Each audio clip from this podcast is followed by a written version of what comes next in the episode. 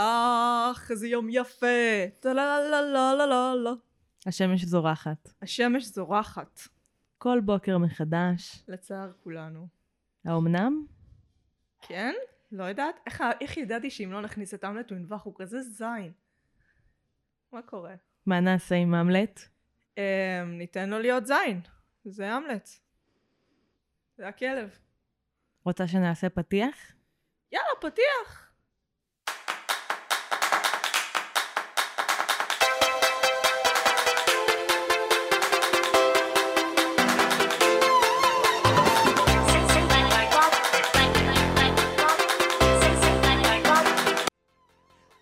פתיח. היה פתיח. אז מי אנחנו? אני נועם, ואני מגי ואנחנו? מרשם לבינג'. מרשם לבינג'. עשיתי כל בטא פעם, אני מחוכמת כזאת היום, באתי על המחכמת. עשית חימום קול? אני חד משמעית לא עשיתי חימום קול, אני לא שחקנית, אין לי דיקציה, ואנחנו עכשיו גם ככה משחקות ברדיו, אז מה זה משנה? אני, לפ... אני, אני צריכה לנסות להתחיל לעשות את זה, כי אז עוזר ל... אה, לפעמים יש לי משהו שנשמע כמו ליספ, בגלל שהלשון אה, בורחת החוצה בכל מיני אותיות שורקות. לא, לא, אנחנו לא עושות שיעור בדיקציה עכשיו, זה לא, זה לא הפודקאסט הנכון. יש פודקאסט על זה? דיקציה? בטוח יש.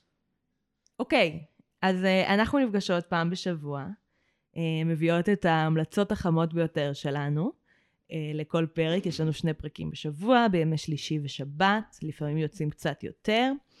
Uh, ואחרי שאנחנו ממליצות על דברים, אנחנו צוללות לנתח uh, איזושהי יצירה, סדרה, סרט, אולי נפתיע את עצמנו בעתיד, ונותנות את ההקשרים החברתיים והאומנותיים שלה. Uh, חשוב לי להגיד גם שלרוב ליצירות האלה יש עוד המון דברים שאפשר להגיד, ואין לנו המון זמן, אז אני מזמינה את כולם וכולן לכתוב לנו ברשתות החברתיות, להמשיך את השיחה איתנו, יש לנו עוד הרבה להגיד. לעקוב אחרינו בפייסבוק, באינסטגרם, לא בטוויטר כי אנחנו לא מפעילות אותו, אבל בדברים האחרים אנחנו חד משמעית, תעקבו אחרינו, חייכם, תהיו, תהיו, תהיו מנצ'ים. ותיתנו לנו טיפים איך להצליח באינסטגרם, כי שתינו מבינות יחסית את הפלטפורמה של פייסבוק, כי כן. אנחנו uh, מהצד ה... אנחנו לא מספיק ג'ן זי. כן. Uh, ויש לנו מה ללמוד על האינסטגרם. כן, ואנחנו גם די שונאות את פייסבוק גם ככה, למרות שאנחנו שם. למרות כאילו- שאינסטגרם זה גם פייסבוק, אני זה לא עוזר יודעת, לנו. אבל האלגוריתם פחות חרא באינסטגרם.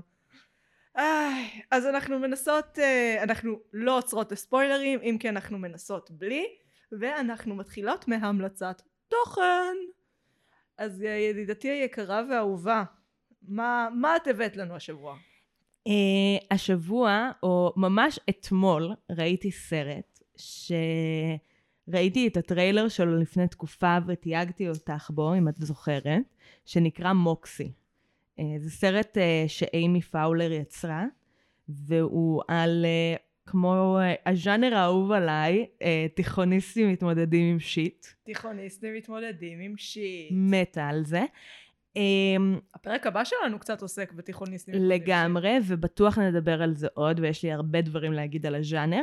שיט. אני רוצה להגיד ספציפית על הסרט הזה, שיש כל מיני סוגים של ייצוגים של נוער, כאילו יש את אלה שהם ממש מטאפוריים לחלוטין, כי משחקים אותם בני 30, כן. והקשר בין זה לבין מה שקורה בתיכון אקראי לחלוטין. כן, לא מאוד קשור למציאות. כאילו ממש בהשראת, נכון שיש מבוסס על סיפור אמיתי, בהשראת סיפור אמיתי, ויש עוד משהו? אה, בהשראת אירועים שקרו במציאות. אז זה כאילו איפשהו בכזה, שמענו שבכוכב אחר יש תיכון, ועכשיו אנחנו יוצרים על זה סדרה בלי לדעת על זה כלום. אז יחסית הסרט הזה יותר קרוב, אה, מבחינת הדמויות, לתיכונים. כן.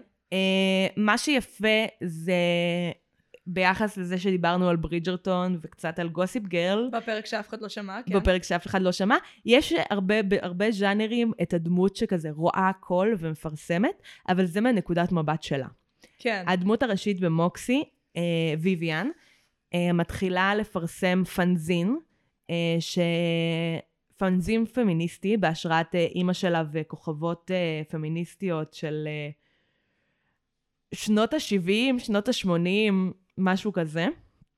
והיא מתחילה באופן אנונימי לחלוטין תנועה פמיניסטית בתיכון שלה, שהיא גם חברה בה במציאות, אבל היא גם התחילה אותה ואף אחד לא יודע שהיא התחילה אותה. Hmm.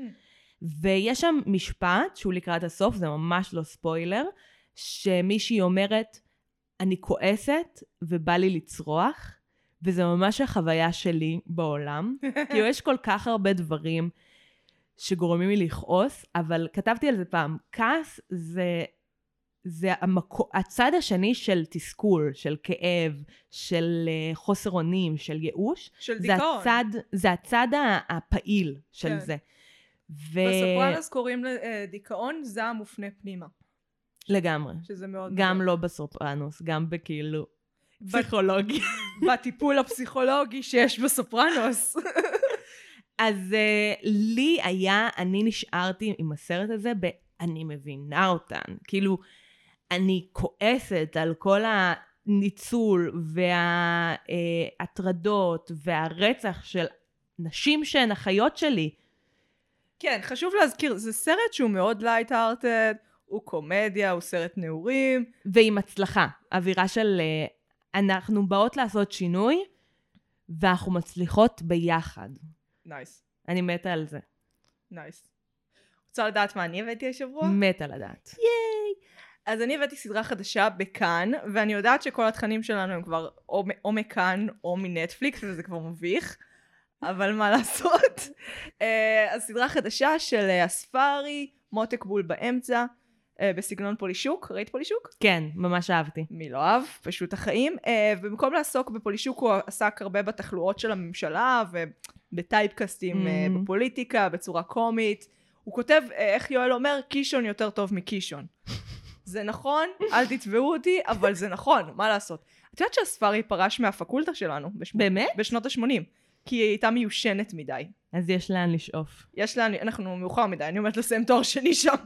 אני רק בשנה שנייה. לך יש לאן לשאוף. אמ, בכל מקרה, אז מותק בול באמצע מדבר על כוכבת ריאליטי, שיום אחד מגלה שבעקבות אה, חבורה של, אה, קבוצה של טעויות, היא הופכת להיות חברת כנסת. אמ, ואיך הדבר מתנהל, הפעם הוא מת... במקום להתמקד בתחלואה, למה את שמה רגל על המלט? אני רוצה לשים רגל על משהו, אבל אם אני אשים פה זה יהרוס יש לך את כיסא. הסאונד. סליחה על זה. הקיצר, במקום להתעסק בתחלואות של הממשלה, הוא מתעסק בתחלואות של הכנסת. אם, אם Mm. פולישוק שלנו היה שר, אז מותק שלנו, שאגב זה שם, איך נאמר בסדרה? שם שהוא התחלה של הטרדה מינית. ממש. אה, ממש איך, עובד, איך עובדת הכנסת, התחלואות, כל הדברים המאוד משעשעים האלה. אין, הספארי יודע לכתוב פוליטיקה כמו שאף אחד לא, באמת. זה, הוא לא כותב על מפלגות, הוא כותב על טייפקאסטים. מהמם. אז שם יש לך נגיד את ה... הוא מדבר על המרכז. וזה מדהים, כי את שמה לב שהשמאל והימין הם מצטמצמים כל הזמן, אבל המרכז מתרחב, נהיה לך מרכז א', המרכז ב', הם צריכים להצטמצם לאנשהו. איך, איך קוראים לזה? מרכז קיצוני? שזה פשוט גדול, אני מתה על מרכז קיצוני. אין לנו דעות באופן קיצוני. החלטנו שלא יהיו לנו דעות. הדעה שלנו היא שאין לנו דעה. הדעה שלנו שתבחרו בנו. זה הכי ניאליסטי בעולם. זה מהמם בעיניי, כי זה סוף סוף מדברים איתנו בכנות, עם כל... עד, עד כה שיקרו לנו על אידיאלים, לפחות עכשיו אומרים לנו את האמת. איי, נעבור לסדרה? נעבור לסדרה. אז היום אנחנו מדברות על בוז'ה קורסמן. בוג'ק הורסמן.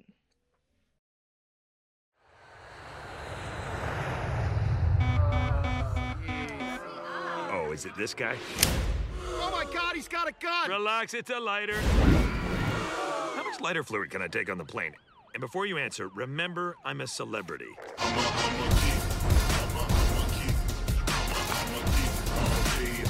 Why didn't you refill your bird feeder, huh? Yeah, who's a bird got to blow to get some seed around here? You'll never guess who's here. Bojack Horseman. He got a little fatter, but it's definitely him. Why so gloomy, Rumi? Do people not like me? Uh. אוקיי, חזרנו. אז היום אנחנו מדברות על בוג'ק הורסמן, כמו שאמרת, תני לי רק להניח את הג'וינט. אוקיי. אם אני לא אומרת בכל פרק שיש, שאני מעשנת פה וויד, מי אנחנו? צריך לעשות אה, בינגו של אה, נועם ומגי. כן, בבינגו שלך יהיה אם את מדברת על וויד או אם את מדברת על חיסונים. כן. ובבינגו שלי זה יהיה למה אנחנו מדברות על זה בשידור חי, אפשר להתחיל מההתחלה, אין לי כוח. לא, אי אפשר להתחיל מההתחלה, אי אפשר לערוך, אי אפשר. זה היתרון בזה שאני עורכת את זה, שאני יכולה כאילו להגיד... אה, יש כאלה שיש להם מיקסר, כמו דור כאן, שאגב המליץ לנו על המיקרופון והכרטיס קול החדש, אז shout out לדור כאן, ו shout out לקובי מלמד, שחפרתי לו גם על הסאונד. תודה לכם. תודה. אז uh, לדור יש מיקסר, הזין הזה, אז הוא יכול, uh, את יודעת, הוא יכול לעשות רעש, הוא שותה בזמן הפודקאסט שלו, דברים של כיף כזה, מה שאני לא מרשה לך לעשות. אני לא אגלה, כי אולי אני אשתמש בזה מתישהו, אבל אני מעלה את הפרקים, ויש לי Premiere. יא בת. אוקיי, אוקיי, אין בעיה, I see you, I see you. אז שלא תחשבי שכל השליטה אצלך. אוקיי, הבנתי, אין בעיה. אין בעיה מותק שלי, אין, אין.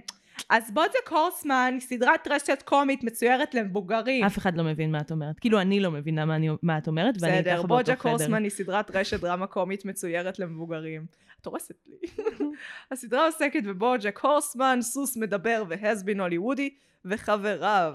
הסדרה נוצרה על ידי רפאל בוב וקסברג ומשודרת בנטפליקס. אה, אם כי היא נגמרה. אה, היו שש עונות, כולנו מאוד נהנינו, והיא נגמרה. אז זאת סדרה שאנחנו באמת שתינו נורא אוהבות, אה, ואני חושבת שזה דבר ראשון כיף, כי בפרקים האחרונים אנחנו בעיקר מתווכחות. אז כאילו, קצת פחות קונפליקט הפעם, זה בסדר. חוזרות למקום הבטוח שלנו. אנחנו, זה לא שאנחנו מסכימות על הכל anyway, אז זה בסדר שכאילו, לפחות שלא יהיה חוסר הסכמה מהותי.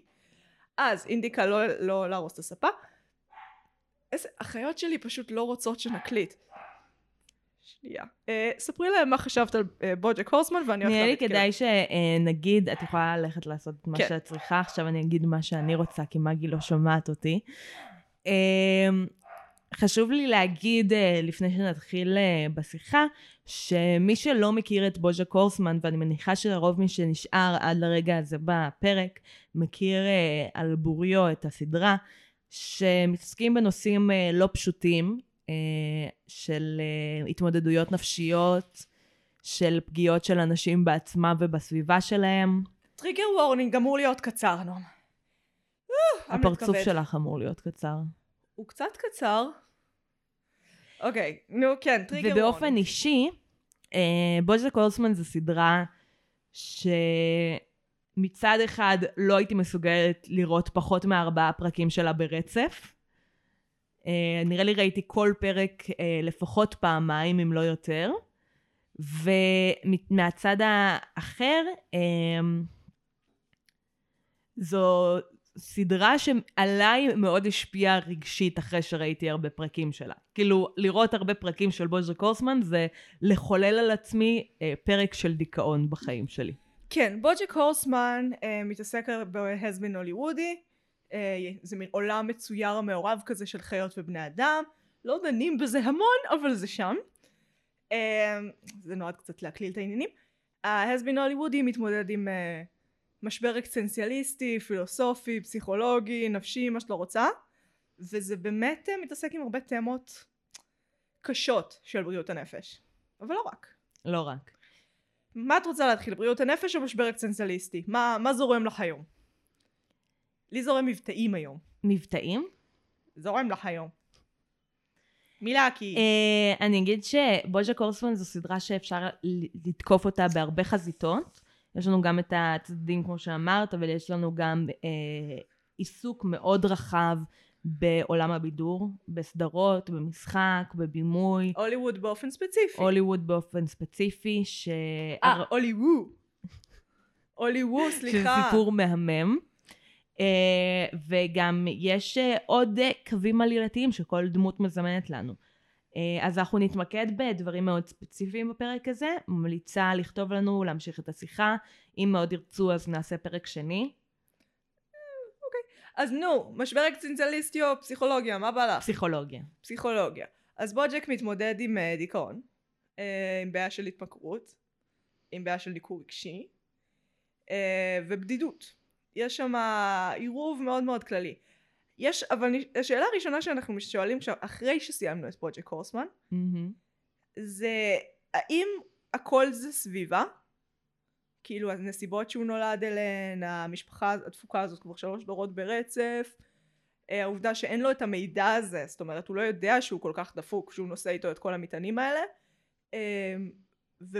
או שהוא בעצם יש לו איזושהי, הבעיה שלו היא בשליטתו, זאת אומרת האם אה, זה Mm. גורל שנפל עליו, או שזה בחירות שלו. את חותרת לכיוון האקזיסטנציאליזם. God damn it.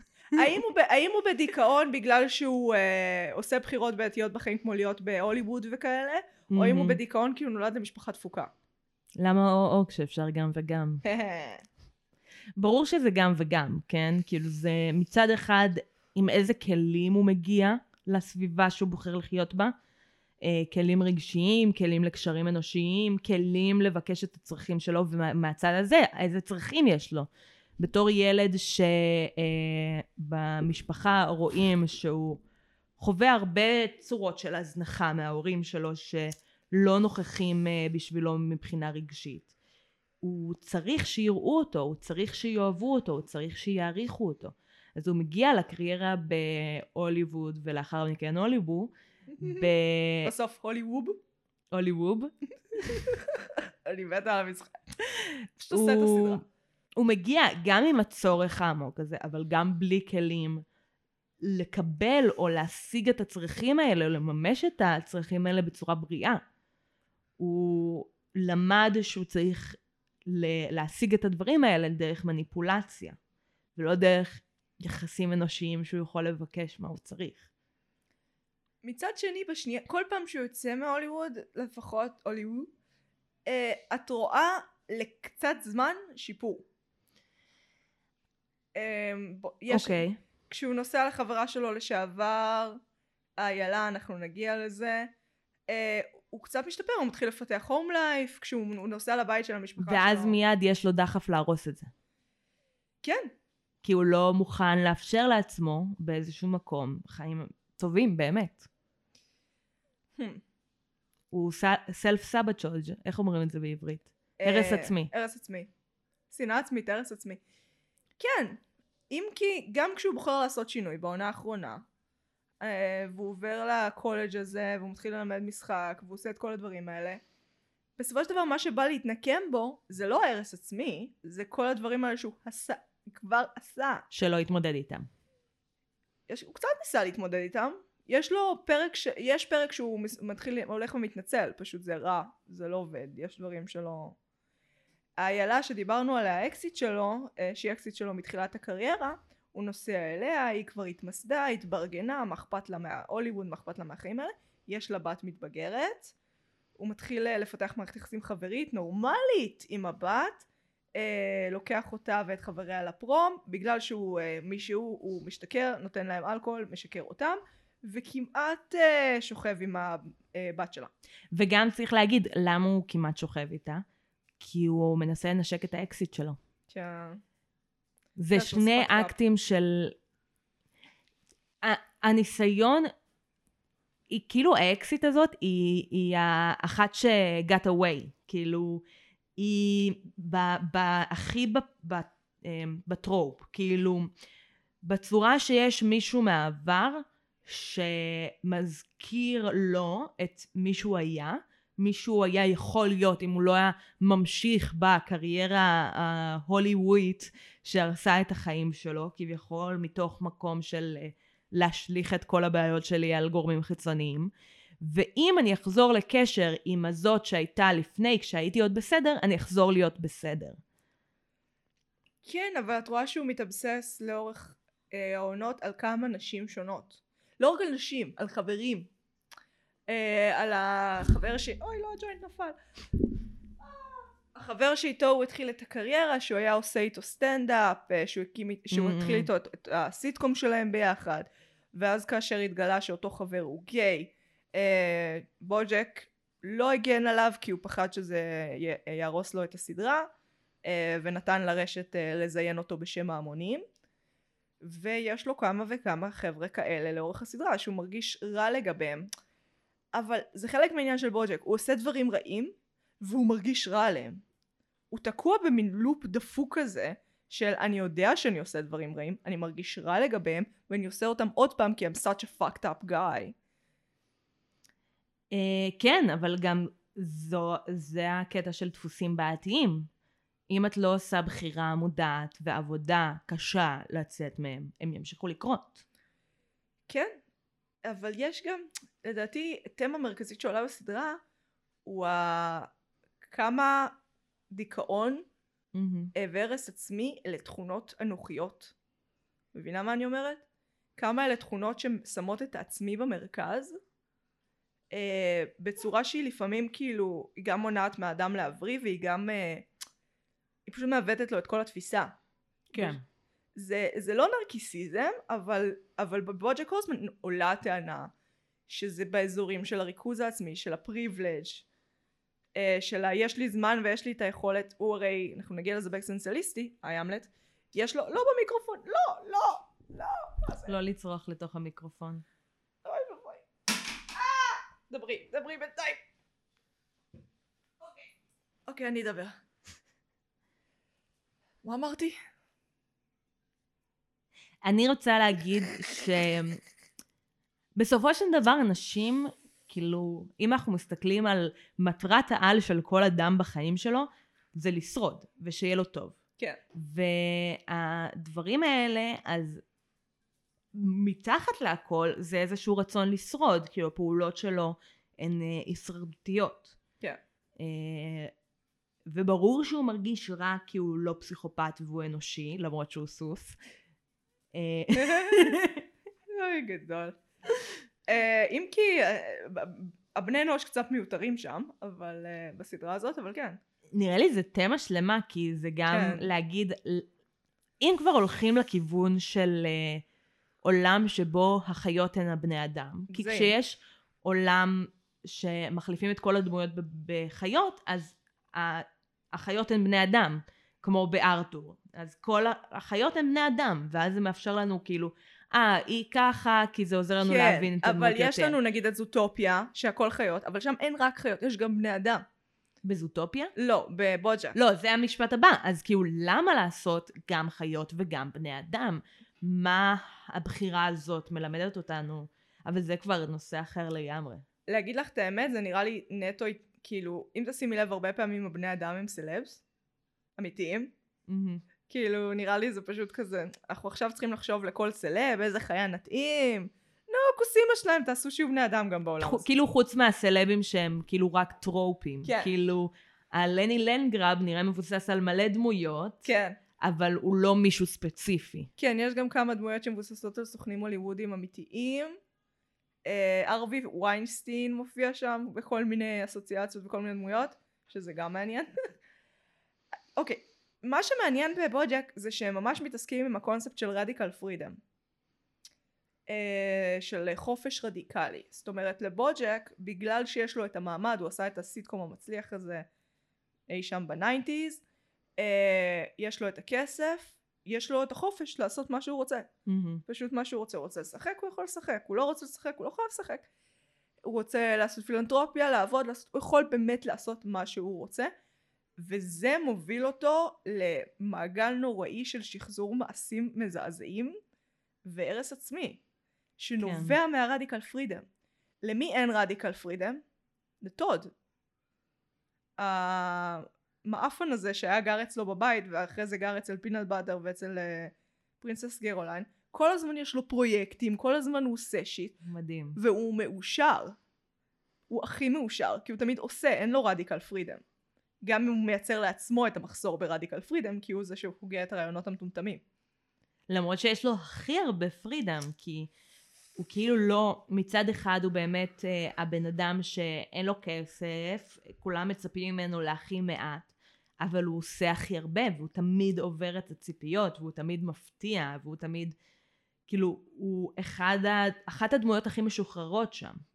הוא גם לא אה, שוקע ברגשות שלו גם אם הוא מרגיש חרא הוא עדיין לא שוקע בזה אנחנו גם רואים את זה אצל מיסטר פינט באטר שאצלו זה פחות נובע מהפרידם אצלו פשוט כל הצורת חשיבה שלו היא אחרת היא מוכוונת אחרת יש לו משבר אקסטנציאליסטי סופר קצר אה, כשהוא מגלה שאח שלו חולה וזה עובר די מהר. וכשהוא מגלה שאנשים מתים.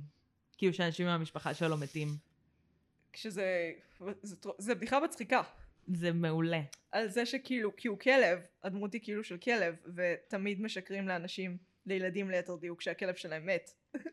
שהוא הלך לחווה שהוא הלך המאושרת בח... בשמיים. בדיוק. שזה גדול. יואו. הם, אה, הם כן שומרים על זה מאוד מאוד קליל, עד כמה שהריאליזם הוא ריאליזם. זאת אומרת, ההתעסקות בנושאים הקשים היא אמיתית, היא כנה, היא מעולה, אבל עדיין יש שם... זה עם חיות, יש שם בדיחות, יש בדיחות ברקע כל הזמן. כן.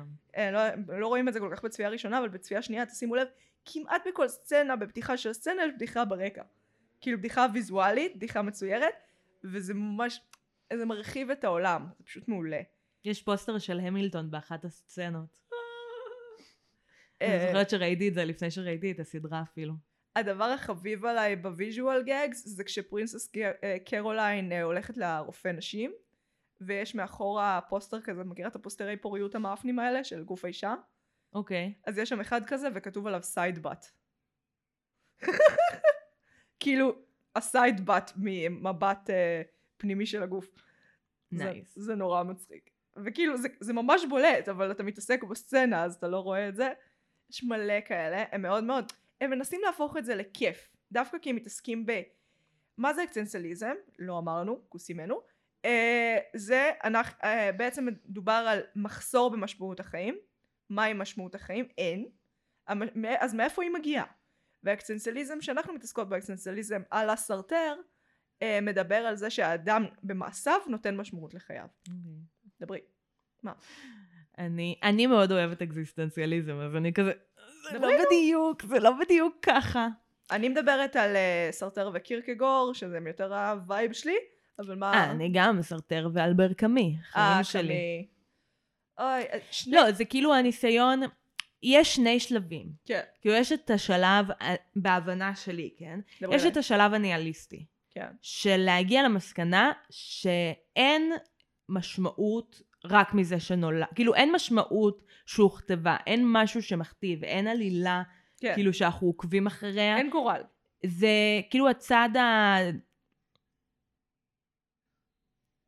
התבלבלתי עם דטרמיניזם, זה או ההפך מזה. דטרמיניזם זה הפוך. דטרמיניזם זה הפוך, אוקיי. דטרמיניזם זה אומר הכל מוכתב, Yeah. יש אל או כוח עליון שמכתיב את החיים שלנו, יש גורל. מכתוב במזרחית. ממש. חברים. וניהליזם זה השלב שאומר לא, זה לא קיים, גם אם יש איזשהו כוח עליון לא מכתיב את החיים שלנו. והשלב הבא זה להגיד יש, המשמעות קיימת מעצם הקיום שלנו. זה קצת כמו... זה לא ניהליזם, ניהליזם זה אין משמעות בכלל. כן, נו. אה, אז- אמרתי אקזיסטנציאליזם. אבל, תגידי, ניהליזם, לא משנה, תמשיכי, כן? זה הופך להיות פרק בלתי נסבל. אנחנו נשים בלתי נסבלות, הם יסבלו אותנו כנשים בלתי נסבלות. אין פודקסטריות, מה לעשות? זה למה? כי אנחנו נשים חפרות. היי, זה לא יפה. זה לא נכון, יש גם גברים, גברים הרבה יותר חופרים מנשים. פשוט נותנים כן. להם את הבמה לזה. וואי, שמעת פעם בנים על ספורט? אה, ספורט זה חלק מהתיאטרון, ואני- אלחם על זה עד מותי. נו יאללה, אחרי ניהליזם. אוקיי. אמ, ובאקזיסטנציאליזם, בעיקר אה, נראה לי אלבר קאמי כותב על זה, אה, שיש את האבסורד של החיים. כאילו החיים הם אבסורד, קורים מלא דברים, לא ברור למה, ורק האדם מעצם קיומו ובחירותיו יכול לייצר לעצמו משמעות.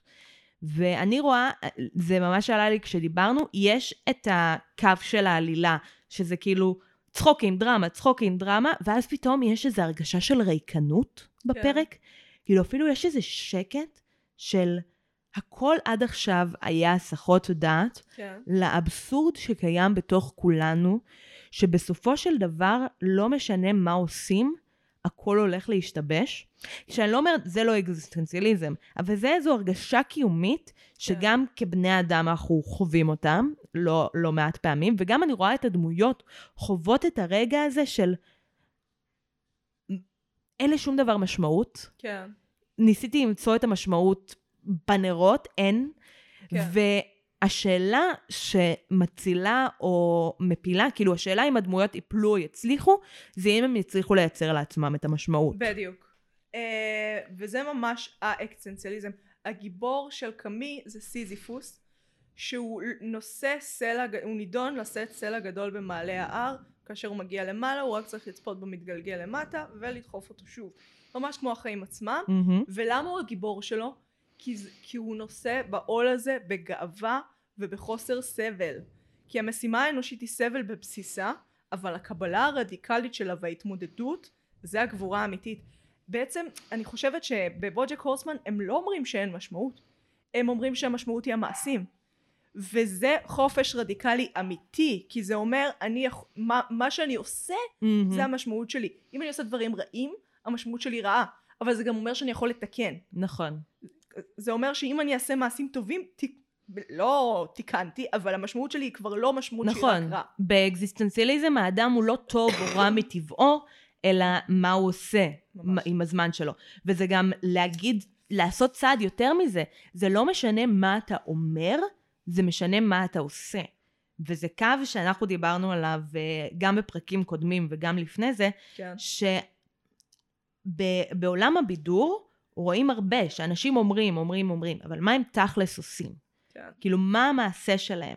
ובוז'ה קורסמן יש הרבה ביקורת על עולם הבידור, שאנשים יכולים לעשות המון דברים מזעזעים, קשים, מנצלים, סתם לא מוצלחים, כאילו כן. סתם לא טובים ערכית, כן.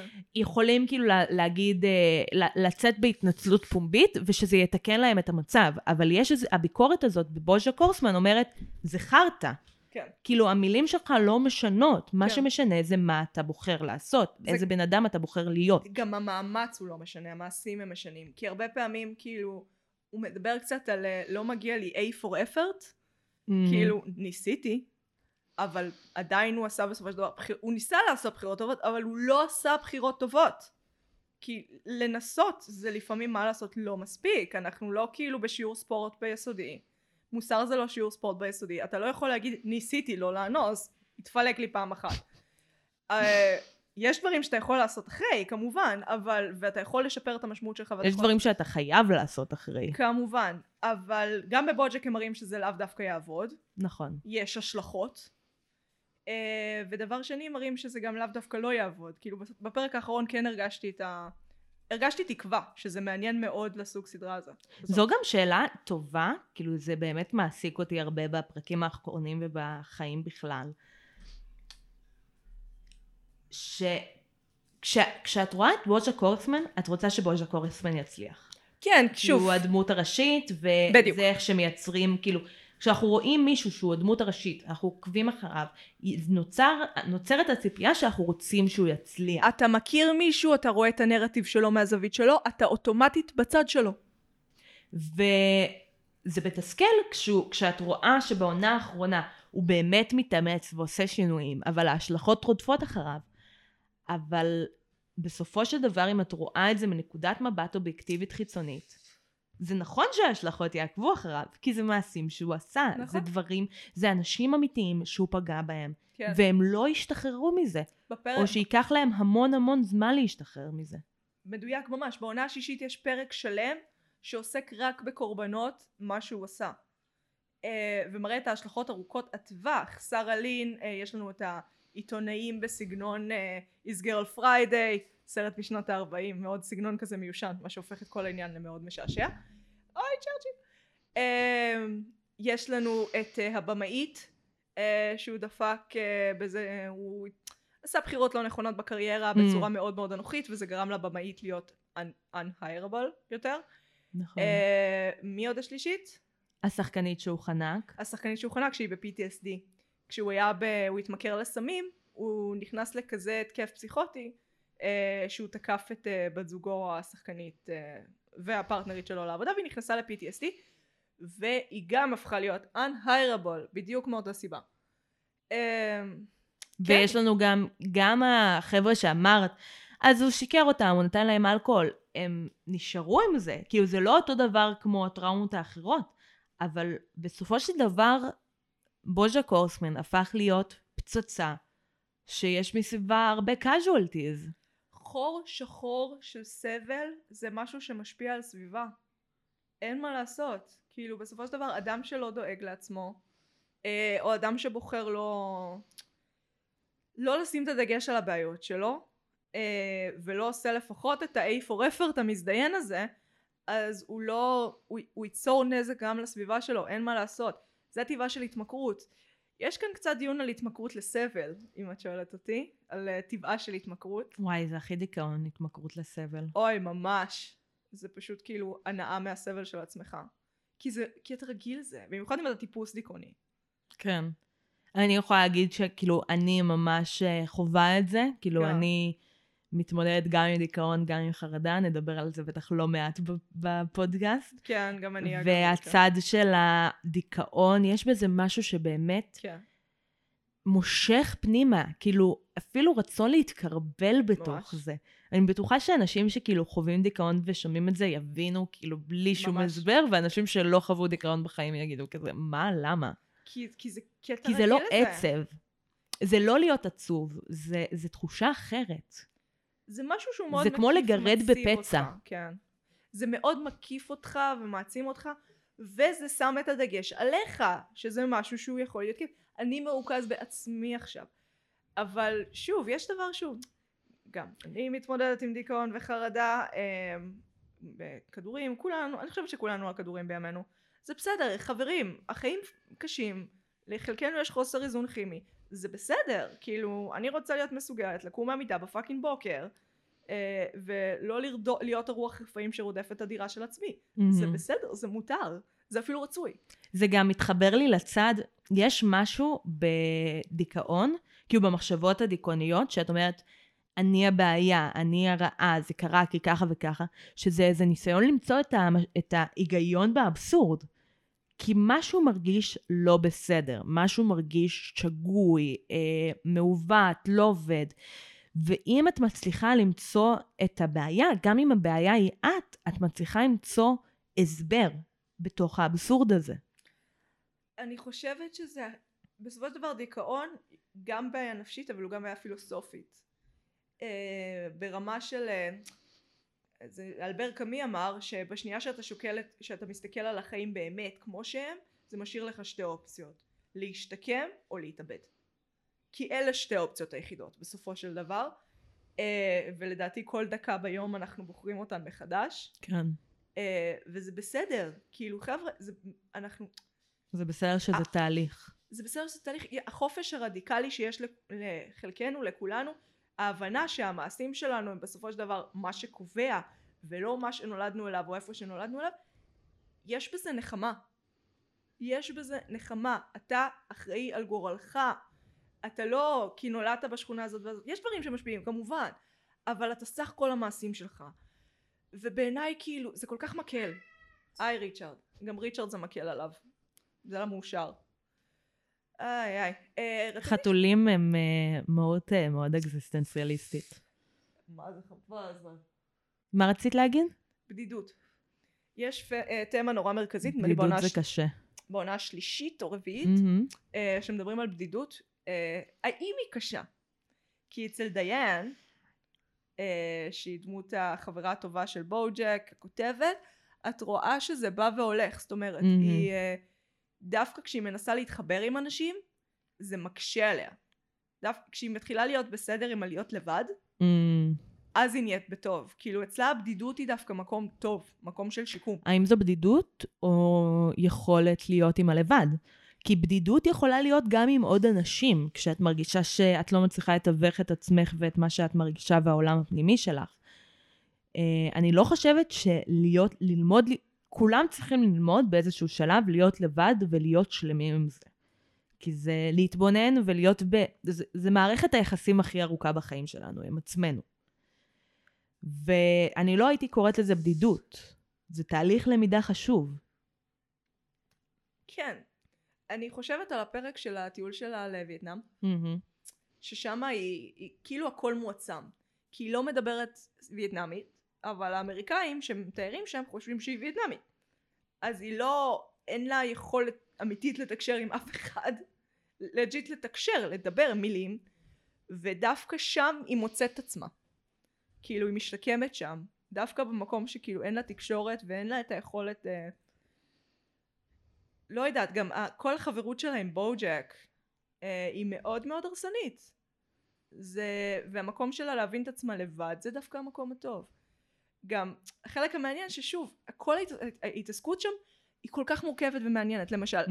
בדיכאון שלה, הזוגיות שלה לא מתפרקת, היא עדיין עובדת, היא לוקחת כדורים, הם לאו דווקא עובדים בהתחלה, היא צריכה להחליף כמה פעמים, היא עולה במשקל, no one gives a fuck.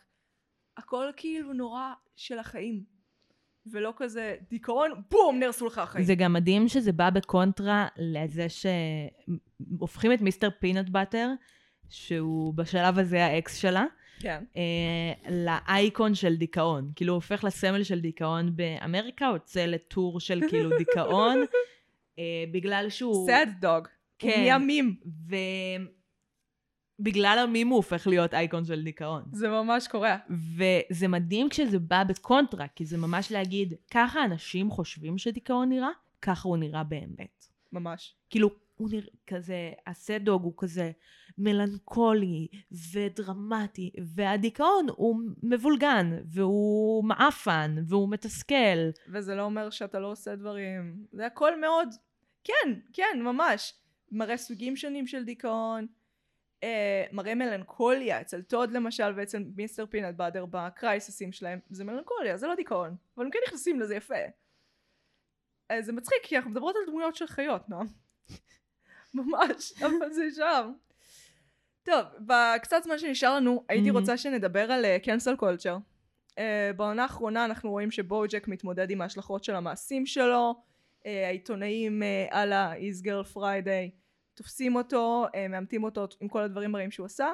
הוא עושה ראיון התנצלות, הראיון התנצלות הולך פנטסטי, הוא נהיה עולה על הגל, עושה עוד ראיון התנצלות, לא הולך כל כך טוב, he gets cancelled.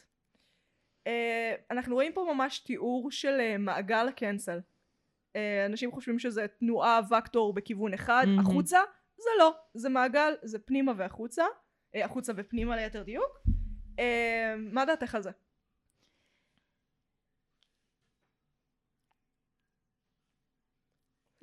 בלק. ממש.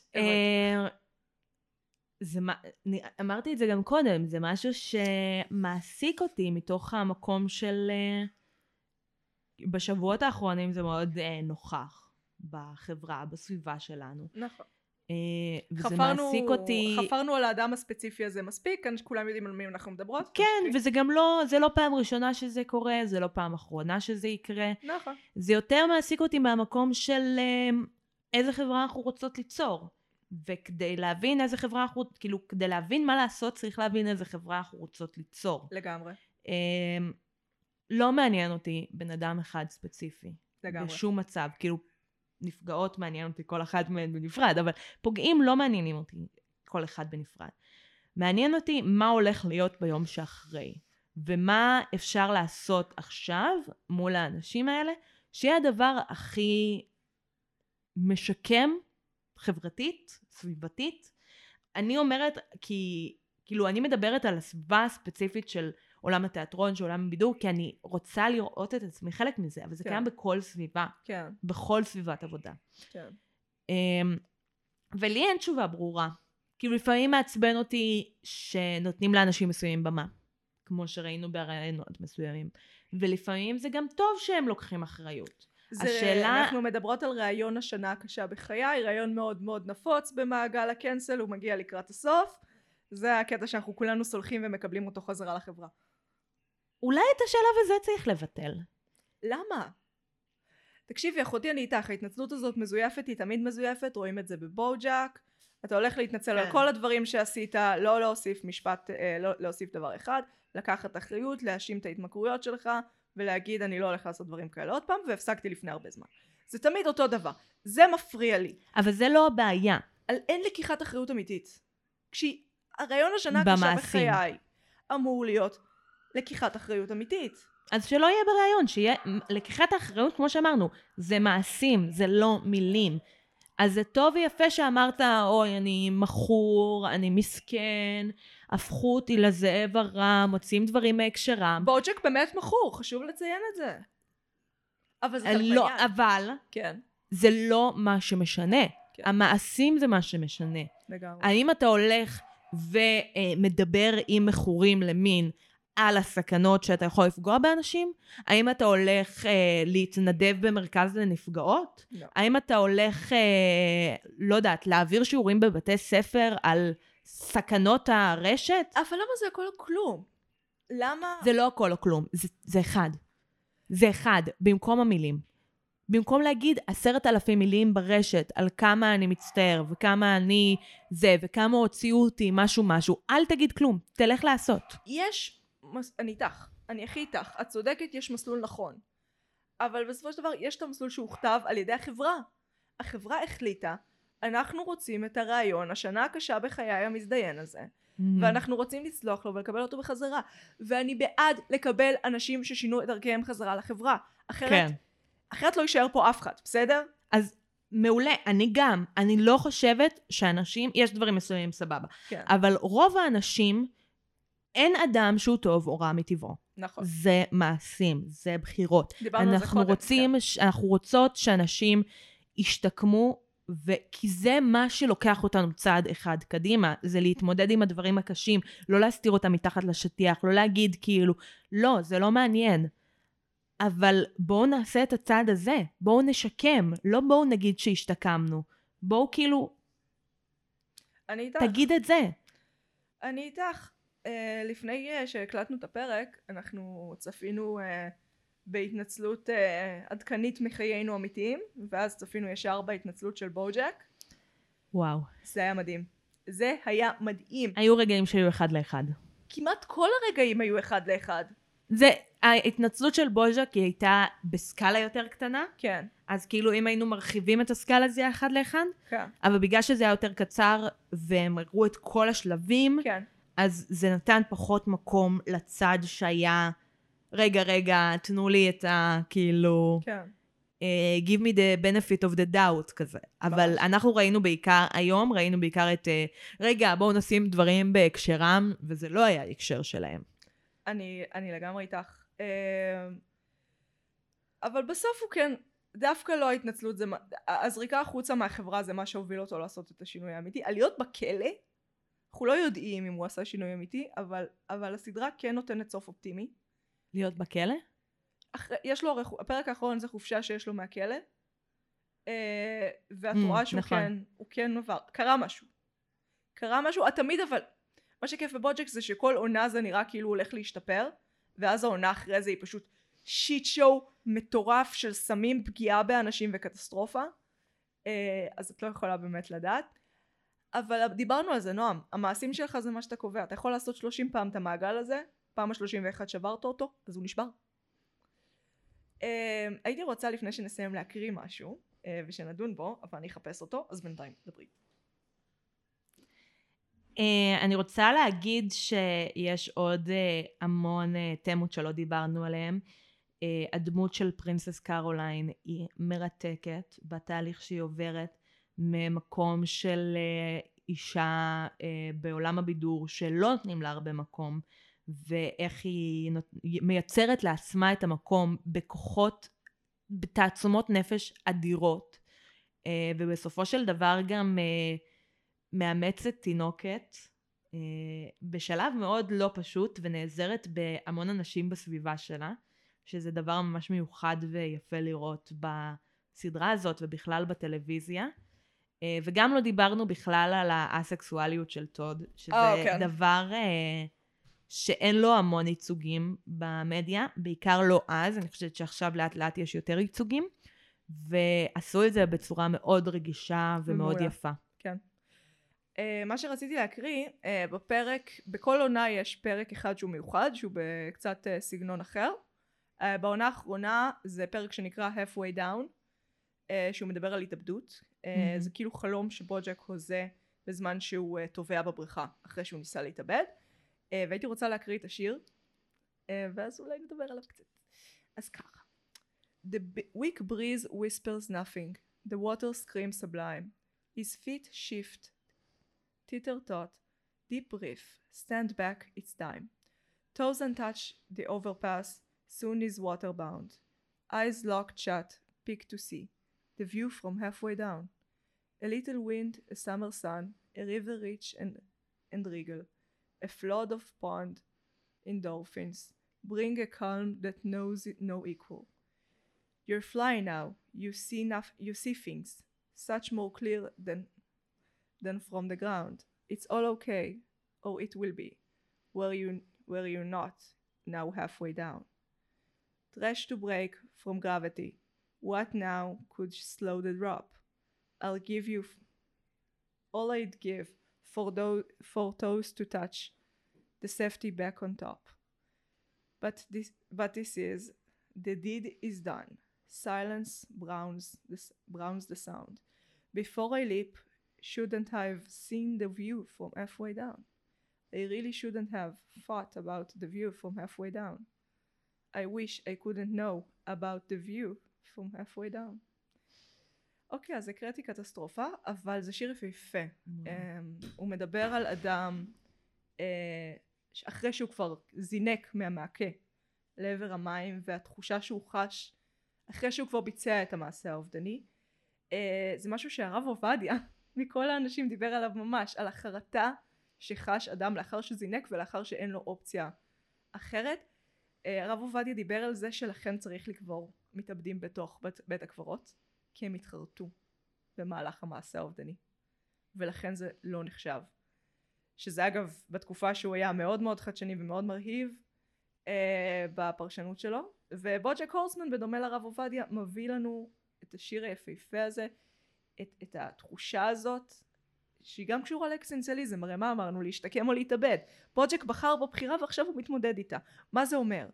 ומוקרא השיר הזה על ידי הפאדר פיגר שלו בתוך אותו חלום ונכנס לפאניקה מטורפת. סרט מצויר כן? אבל זה, אתה מרגיש את זה בפנים שלך ממש. ואז הוא נשאב לתוך הריק של הכלום. בוג'ק שואל מה זה הריק של הכלום? ועונים לו מה, שואל מה יש בצד השני ועונים לו אין כלום בצד השני. אין גן עדן אין גיהנום. יש רק כלום. וואו. הציטוט של, הציטוט של מה שאמרת עכשיו, אה, זה משום מה אה, סאונד שמשתמשים בו הרבה בטיקטוק, Mm. וכל פעם שאני שומעת אותו, זה כאילו עושה לי קווץ' בלב. כן ה- The drip finally stop. כן כן כן כן כן כן זה, זה פרק שהייתי עושה, על, כאילו רק על הפרק הזה, פרק של פודקאסט. אה, אני מסכימה איתך בטוח אולי נעשה לא על שש סיבות מה? אפשר לעשות על אה, שש סיבות 60? 6 לא משנה הסדרה הזאת על ההתאבדות עם הקלטות 13 סיבות 13 למה? סיבות אני דיסלקטית לא היה ברור מאיך שהקראתי עכשיו הקראת מעולה, אגב. נתון לדיון באמת. רוב האנשים היו מקריאים זוועה בגלל האנגלית. הרגיש כאילו הקראתי לא משנה הקראת מעולה. תודה איי הקיצר בוג'ק הורסמן מתמודד עם תמות מדהימות של דיכאון של אקסטנציאליזם של אובדנות של בדידות ועוד מיליון ואחד דברים שתוק המלט והמפגש של זה עם הסביבה. במפגש הזה עם הסביבה וזה מומלץ בכל הדרכים האפשריות פשוט תראו את זה. עדיף אם הפסיכולוגית שלכם מחזיקה לכם את היד ונותנת לכם פופקורן מקורמל תוך כדי אבל אני לא שופטת. אני לגמרי הולכת לשלוח את הפרק הזה אחר כך לפסיכולוגית שלי. אוי זה מעולה יהיה על מה לדבר. אני גם צריכה לעשות את זה. דש לעינת. דש לדנה. איי איי דשים לפסיכולוגית טוב אני אומרת בואי היום ניפרד מבני משפחה שסוף סוף הקשיבו לפרקים שלנו כן כי יש כאלה את רוצה להיות ראשונה? כן, אז אני רוצה להיפרד מאבא שלי, אה, ששמע את פרק 9, שלח לי הודעה, אה, לא הבנתי כלום, סימן קריאה. למה את אומרת שלא שילמת על תיאטרון שבע שנים? זה כי אני שילמתי? סימן שאלה, סימן קריאה? שיהיה לך יום טוב. וואי, אבא שלך כזאת דמות מצחיקה ברשת. אני מתה על זה שהוא מפרסם אה, כן. סטיקרים וגיפים ואת כזה, שוב אבא, הגבת בצורה הכי מדויקת. כן, וכאילו, כן. וואו. כן, כן, אבא שלי... דינמיקת פייסבוק הכי טובה. אבא שלי, חוסר טקט של אבא שלי ברשת זה מרהיב. תעקבו אחרינו בפייסבוק, תראו את כל התגובות שלו. אני רוצה להודות uh, לבן דוד שלי, ירדן פרדו, ירדן! שאתמול כתב לי שהוא הקשיב לפרק, uh, גם, פרק כן. תשע, uh, וזה ממש ריגש אותי. או, איזה מומי. אה, אני רוצה להודות לאדם שאינו קרוב משפחה שלי, לקובי מלמד, שכמו שאמרתי, הקשיב לפרק הקודם רק כדי לעזור לי עם הסאונד, אבל אני אקח את זה כהקשבה, אז תודה קובי. אני יכולה להודות לעוד בן אדם? כן. אני רוצה להודות לדניאל מלוגלובסקי, או, השחקן בית שלנו או. והחיים שלי. שכתב לנו תגובה מרגשת וגורם לי לבכות כל פעם מחדש. עכשיו הם ידעו שזה אדם שקרוב אלינו, רציתי שהתגובה הזאת תישאר וזה יהיה כזה, או, מעריצים. שיט. למרות שיש לנו... זה. בסוף הפרק, אף אחד לא מקשיב. נכון, באנליטיקס רואים, איזה יופי. טוב, אז אני הייתי מגי, אני הייתי נועם. ואנחנו